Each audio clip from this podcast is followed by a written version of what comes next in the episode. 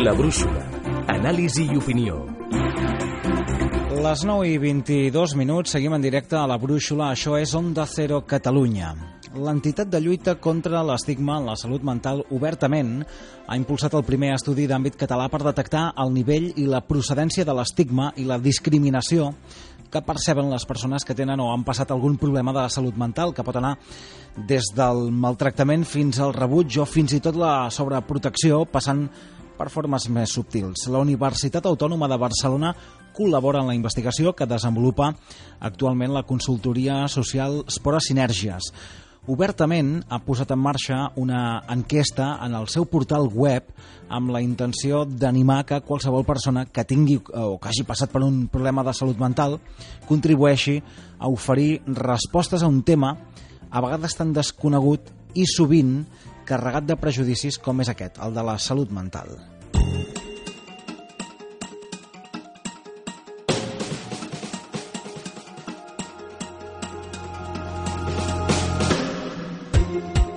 L'estigma fa referència a l'atribució de qualitats negatives i despectives sobre un col·lectiu de persones que passen a ser vistes, pensades, tractades a través d'un prisma certament tergiversat o, podem dir, en ocasions mal entès. Les persones amb problemes de salut mental s'emmarquen en nombroses ocasions dins d'estereotips, eh, tot, eh, tot i que no es corresponen amb la realitat, però que sí que influeixen en les actituds i els comportaments que tenen les altres persones cap a elles. I aquí, als mitjans de comunicació, ens toca entonar un mea culpa en múltiples ocasions. I sent honestos, cal dir-ho.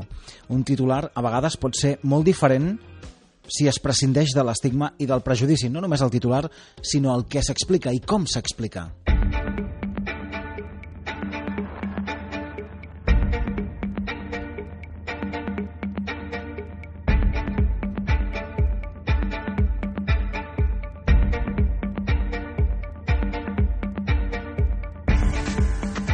Aquest estigma i la discriminació com a conseqüència són eh, la principal barrera que tenen aquestes persones per assolir una vida plena i normalitzada.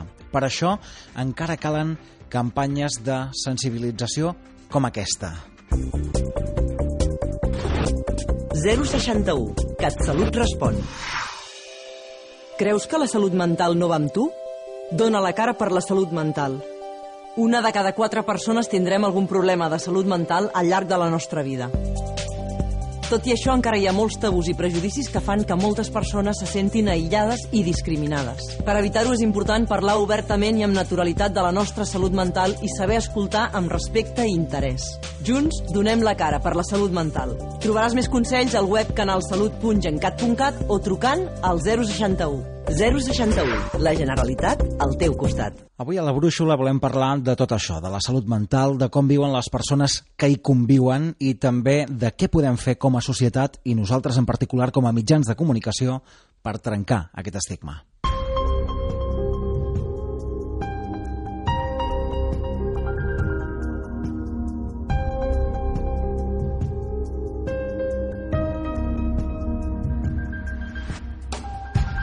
Les 9 i 25 minuts en punt de la nit passo a saludar les persones que m'acompanyen avui a l'estudi amb les que obrim aquest debat tan interessant que avui hem proposat. Saludo en David García, que és portaveu i activista d'Obertament. David, què tal? Bona nit, benvingut. Bona nit. També en Xavier Trabador, que és president d'aquesta entitat d'Obertament. Xavier, què tal? Bona nit. Bona nit, què tal? Saludo amb la, la Matilde Gordero, que és coordinadora de l'Observatori de Mitjans i Salut Mental de Ramon Bernils. Què tal, Matilde? Bona nit. Hola, bona nit. I el periodista Fidel Marreal. Què tal, Fidel? Bona nit. Bona nit. En Fidel ara ho explicarem escrit sobre temes que fan referència a la salut mental.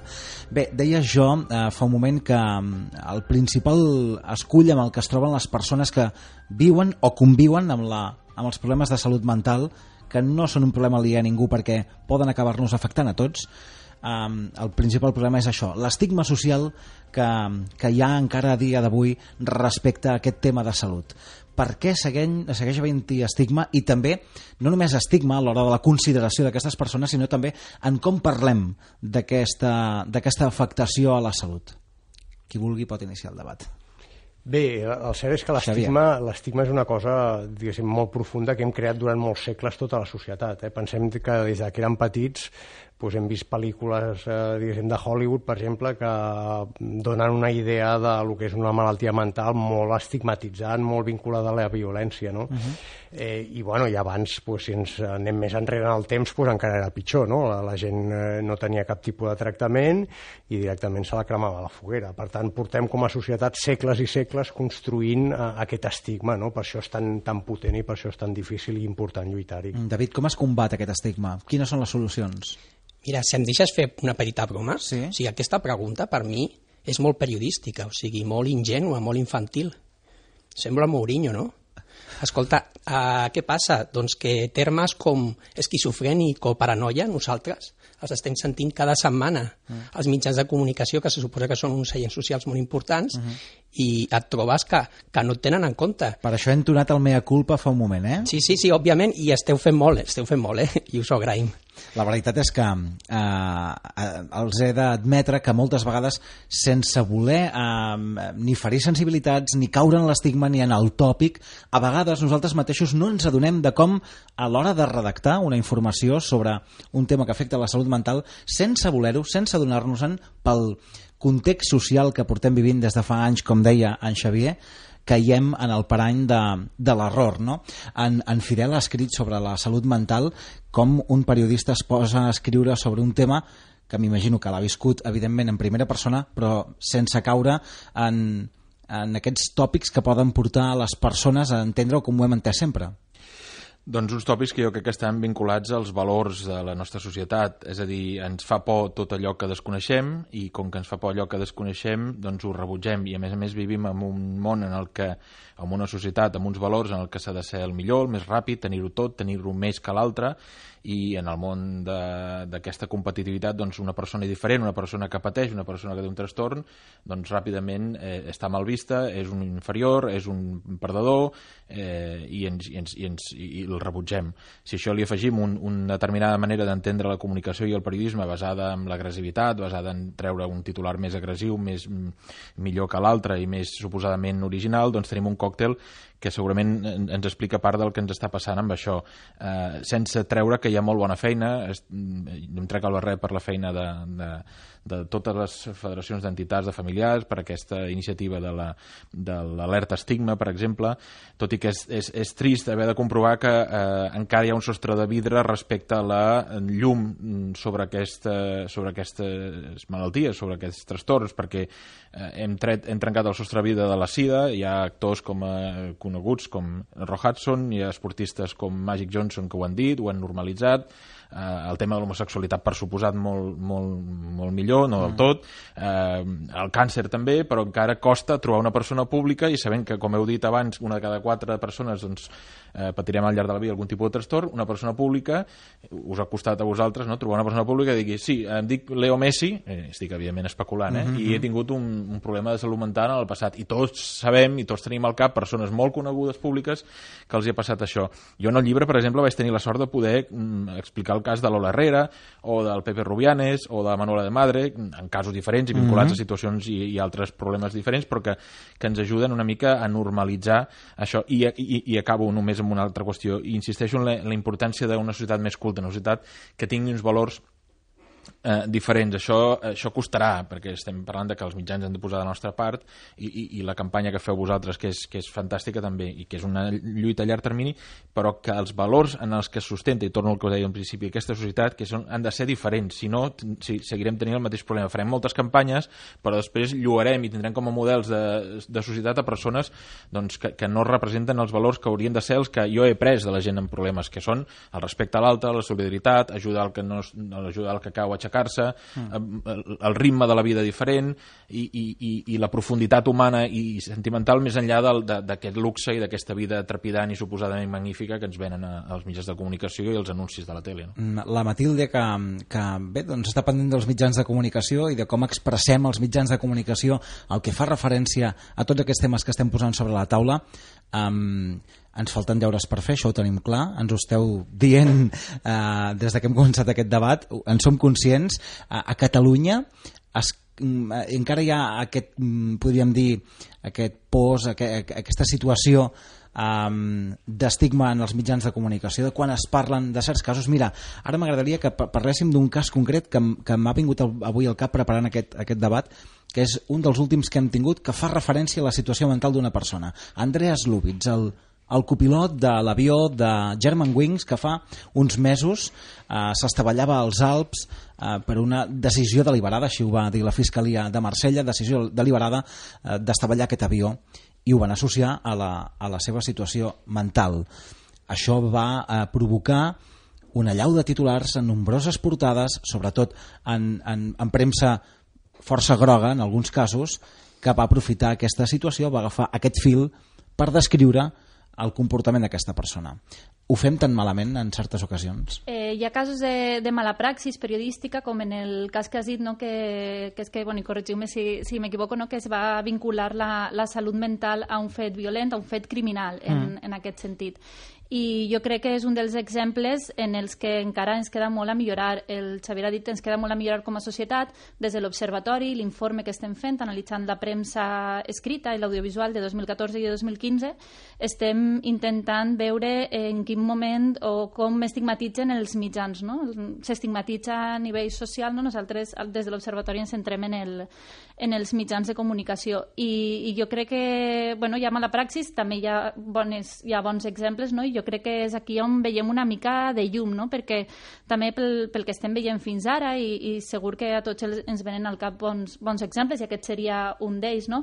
que és que quan, quan un periodista decideix abordar un tema de, de salut mental, de dir vaig a informar-me, vaig a acudir a fons que em puguen assessorar, que em puguen aconsellar, vaig a parlar amb testimonis en, en primera persona, normalment la informació acostuma a estar cuidada, el llenguatge és curós, és adequat, és eh, el que, amb els criteris no, d'obertament eh, amb els quals és el grup Barnils, que és l'associació de periodistes en la que estic i des de la qual estic participant amb, en, en l'observatori com coincidim plenament i que en el que també hi ha uns criteris amb els quals es troben representades les persones de salut mental. Llavors, normalment es respecten. En canvi, si és informació, com has dit, per exemple, en el cas de, de German Wings, és informació que té un impacte molt gran, que requereix informació d'últim minut, mm. en el qual apareix una informació i no passa... Bueno, o no va passar tots els filtres, els filtres que, sí, sí.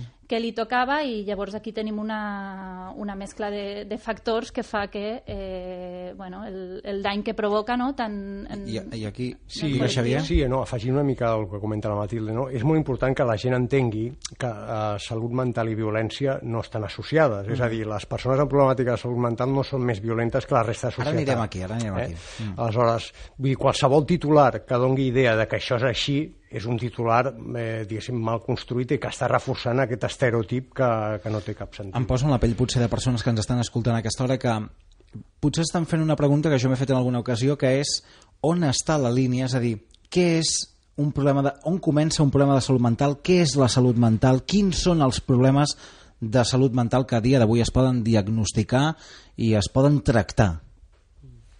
Bé, a veure, problemàtiques de salut mental n'hi ha, ha moltes, mm. eh, per entendre'ns, I, i també és important que la gent entengui que és com qualsevol altra problemàtica de salut sí, sí, sí. i que, per tant, es pot viure eh, d'una forma molt lleu, Eh? Tu pots tenir un atac d'angoixa tres vegades a la teva vida, mm -hmm. a lo millor et condiciona perquè tens por a agafar un avió i t'agafa l'atac d'angoixa abans mm -hmm. d'entrar a l'avió i, i després no en tens mai més i per tant és com bueno, si tens un problema eh, del cor però és una arrítmia puntual d'un dia. Evidentment això es pot donar molts graus i si el tens eh, diguéssim amb un grau diguéssim molt intens, doncs com qualsevol altra problemàtica de salut doncs et pot condicionar més la, la teva vida. No? Això eh, normalment s'associa a problemes de salut salut mental una cosa molt discapacitant, molt irrecuperable, tal, i no és així, afortunadament. És com qualsevol altra malaltia, pot ser lleu o, o severa. El David vol afegir alguna cosa. Eh, deixa'm que um, digui un, una coseta, David, que és que si algú que ens estigui escoltant vol afegir a, a tot això que estem dient, el seu testimoni, la seva aportació,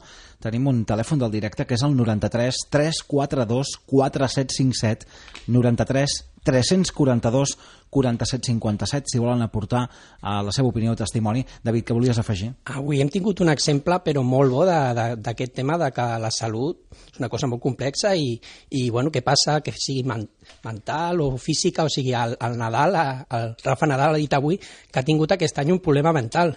O sigui, justament quan van fer la campanya d'obertament sortia un tenista malanut, uh -huh que recordava bastant a ell, doncs mira, potser ja tenim l'estrella, no? O sigui, ell s'ha atrevit a dir, escolta, aquest any no m'han sortit les coses, l'any passat era al genoll, l'altre li va passar alguna cosa. No, bueno, doncs en aquest any ha reconegut que algunes coses les tenia pensava que les tenia per la mà, però, però l'ansietat, els nervis, l'han fet una mala passada. En aquesta campanya que hem escoltat fa un moment, eh, que protagonitza la periodista Elena García Melero, eh, ella ho diu, una de cada quatre persones, és la primera frase que pronuncia, una de cada quatre persones pateix o patirà una, un trastorn, una malaltia mental. Per tant, és una cosa que no és aliena a ningú, perquè un de cada quatre és una estadística molt, molt important i, i elevada, per tant, la, per tant podem dir que les malalties mentals eh, les tenim al nostre voltant i no podem ser aliens a elles i hem d'ajudar a, a, primer a la comprensió per part de la societat i a les persones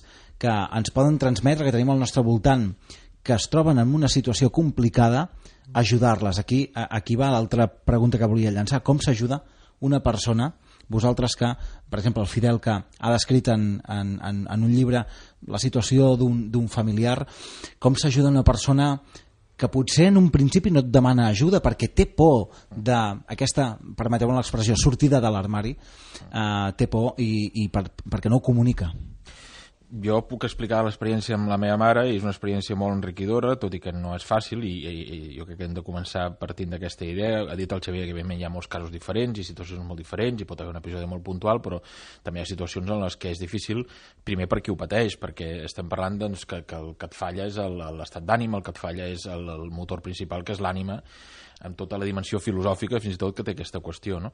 I el que està al costat, doncs, per, per falta d'informació molt sovint, i d'aquí la importància doncs, de, de, de, de xerrades com les que estem tenint, de la feina que fan totes les federacions de familiars, de la feina que fa obertament, el primer és això, escoltar, entendre, comprendre, perquè et trobes, en el cas d'un familiar, en el cas jo com a fill, doncs que amb perplexitat i a vegades no reacciones prou bé, eh, pots eh, equivocar-te tant, tant per accés per una sobreprotecció com per defecte per allunyar-te del problema i, i, i a vegades simplement es tracta d'escoltar, doncs, de, de donar la mà, de fer companyia, evidentment de seguir un tractament, perquè mm. per això la, hi ha professionals excel·lents de salut mental a Catalunya, malgrat les retallades, malgrat les dificultats, les limitacions que sap el Xavier, del pla director, del, de, de, fi, de que falten moltes eines i instruments, de psicoeducació, que s'estan fent in iniciatives molt bones, però que és molt important eh, que hi hagi també aquesta informació per poder estar al costat. I una cosa molt important, que d'això se'n surt i també molt important que si algú es pensa que podem mirar amb una certa superioritat moral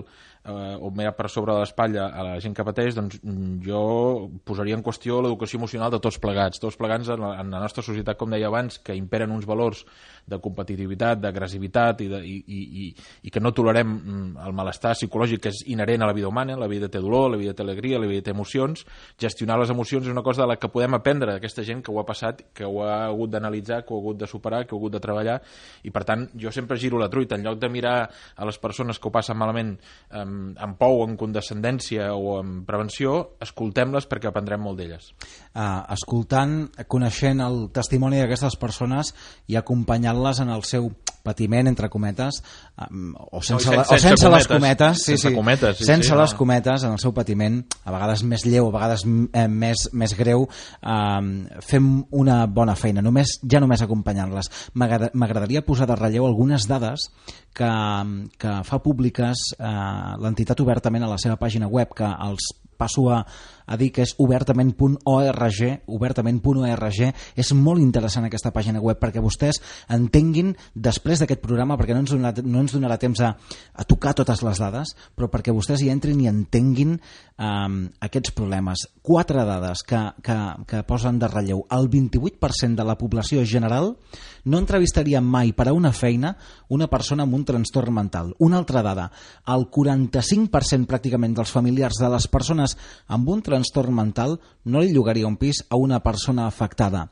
El 18% de la població considera que les persones amb una malaltia mental són perilloses i el 51%, la meitat de les notícies, més de la meitat de les notícies sobre malaltia mental estan relacionades amb assassinats. I aquí és on eh, anem al que deia el David.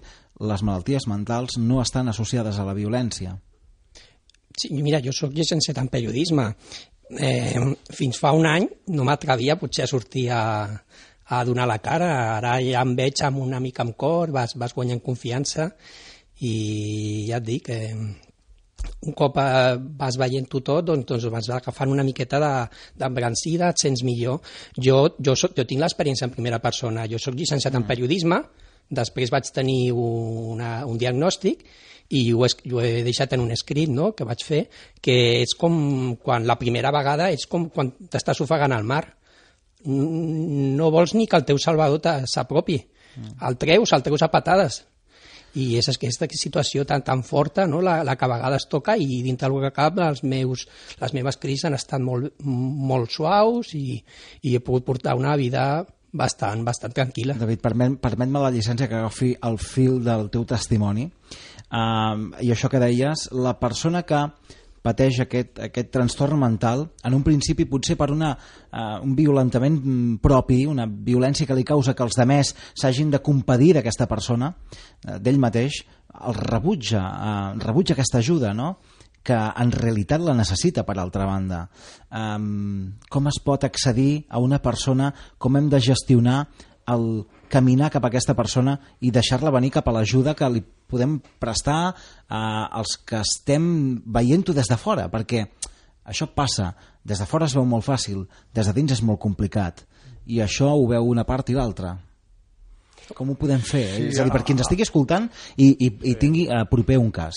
Aquí, a veure, és, és molt de, de, de l'escolta és molt important, escoltar i sense jutjar, Eh, a vegades ens passa no, que jutgem eh, quan algú està en un, no sé, per posar un exemple, una, un episodi de depressió, pues, mm. sovint per desconeixement els familiars o coneguts li diuen que això, va, que això soluciona, que et falta, diguéssim, empenta, que tu te'n pots sortir, que tal, sense considerar que això és fruit de, de, de la teva pròpia patologia que, que pots estar patint en aquell moment. No? Per tant, l'escoltar sense jutjar és molt important. Després, penseu que l'estigma eh, també condiciona el fet de que es triga molt a demanar ajuda.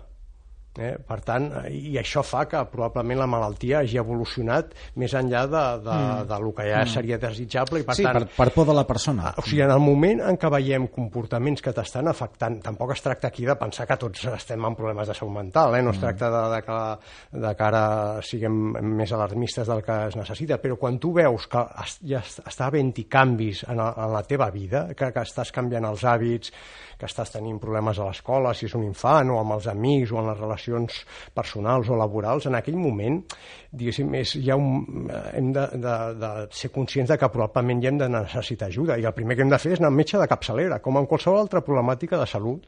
La, la primera etapa és metge de capçalera, escolta, i segurament si és un tema... I no hem de tenir por en el metge de capçalera i dir, escolta, em sento malament, estic, uh, estic una mica apàtic, o, o, la, o els símptomes que, que puguis tenir.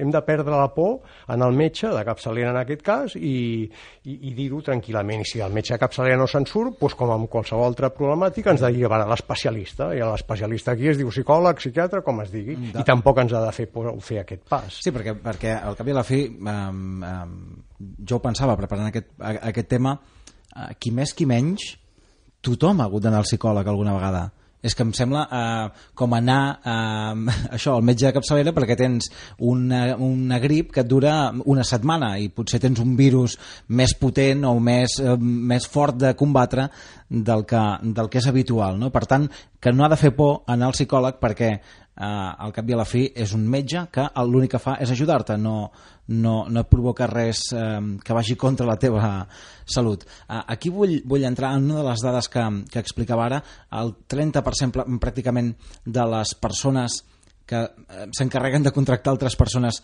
no eh, eh, faria un contracte a un treballador amb un problema de salut mental, i el 50% de les informacions que apareixen als mitjans, i aquí també entra el Fidel i tu, eh, Maite, com a, com a observadora, el 50% de les notícies eh, que fan referència a les malalties mentals estan relacionades amb episodis violents. Això poden fer plantejar d'alguna manera als homes i dones que han de contractar treballadors eh, el fet de, escolta'm, jo no vull tenir problemes a la meva empresa i, i simplement pel, pel fet d'informar-se a través de uh, certa premsa que, bé, doncs, que no, no, no, no parlo de manipulació, eh? no parlo de manipulació. Sí, jo crec que aquí la, el món de la comunicació i del periodisme també tenim, clar, no som professionals sanitaris, no som una entitat com, com obertament, però jo crec que la responsabilitat aquí rau en, en l'emissió de missatges discriminatoris, perquè el que fan és empitjorar l'estigma, fa que, que siga un tema o mantenir-ho com, a, com a tema tabú i això fa molt de mal a les persones i fa que es creïn tota aquesta sèrie de, de prejudicis. No? Jo crec que la més present, el, un dels criteris que fa que tu consideres que una notícia és negativa pel que fa a l'estigma en salut mental és aquesta que deies, que és el vincular-ho a violència, criminalitat i segur que tots aquest any recordem casos que han sigut molt, molt grossos, als quals se'ls ha donat molta volada perquè han sigut molt greus no? i en els quals hem tingut aquest, aquest exemple de mala praxis.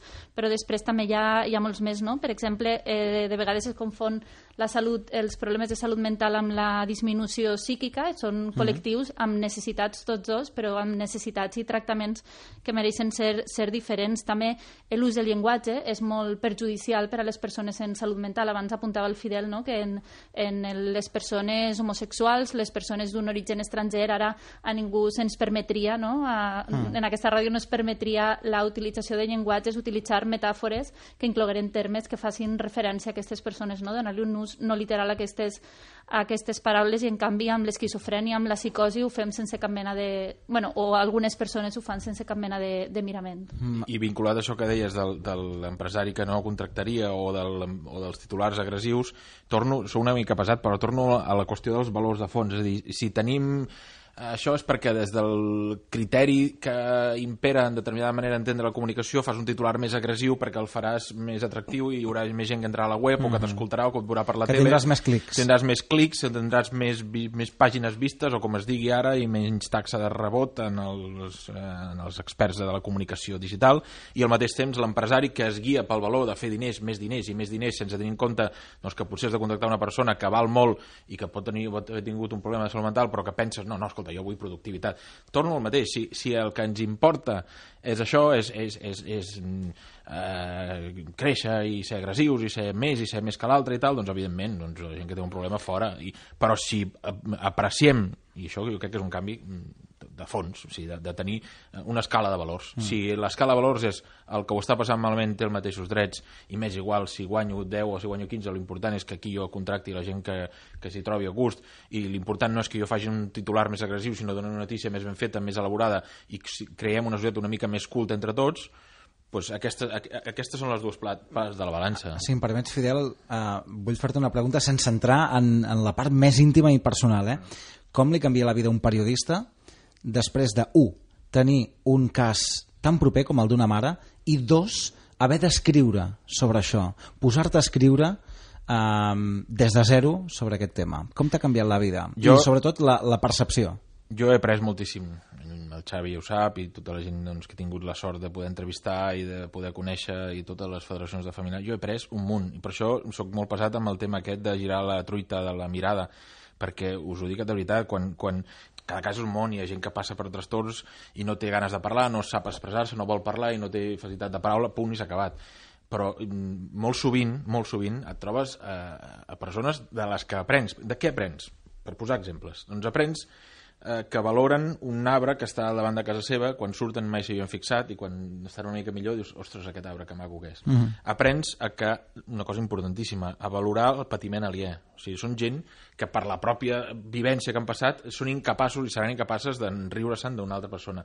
Aprens a valorar el, el temps en la seva justa mesura, a valorar la feina en la seva justa mesura, la bogeria aquesta de vinga, treballar i hores i diners i feina i feina. Aprens a, a detectar, apren a detectar doncs, més abans, a, abans símptomes o possibles eh, recaigudes aprens a valorar valors com la solidaritat o l'escolta, aprens a veure com la gent de l'entorn familiar ha hagut de fer aquest esforç, aprens a veure gent que ha hagut de fer en si mateixa un, un, un, una, una autoanàlisi tan a fons d'una cosa tan profunda com l'ànima aprens tot això, per tant, mm, eh, creixes eh, emocionalment i, i per això jo recomano molt eh, escoltar i aprendre molt més que no mirar-ho amb por o amb recel. No?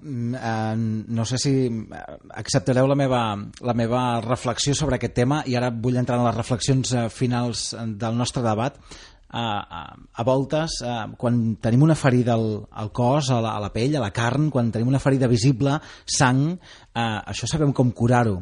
Quan no hi ha una ferida, és molt difícil per tu mateix, entenc, pensar com em començo a, a curar, no? És, és difícil pel simple fet de que no es veu, de que no ho podem veure, el, el mal fet. Ens trenquem una cama i veiem que tenim la cama trencada, però això no ho veiem, no? Imagino que, que aquesta és la percepció que, Mira que si jo he anat a veure un company que li ha passat això, s'ha lesionat, o després seria lògic que a mi em passés això, estigués ingressat en un hospital psiquiàtric i no em vingués ningú. Mm. I em van, van venir a veure, o sigui, em van veure inclús al llit abans d'ingressar, em van veure malament, però bueno, estaven amb mi i era aquest acompanyament que deies tu és molt important. Al final acaba sent molt important també un terme com la valentia, o sigui, si jo vull lligar amb una noia, mm.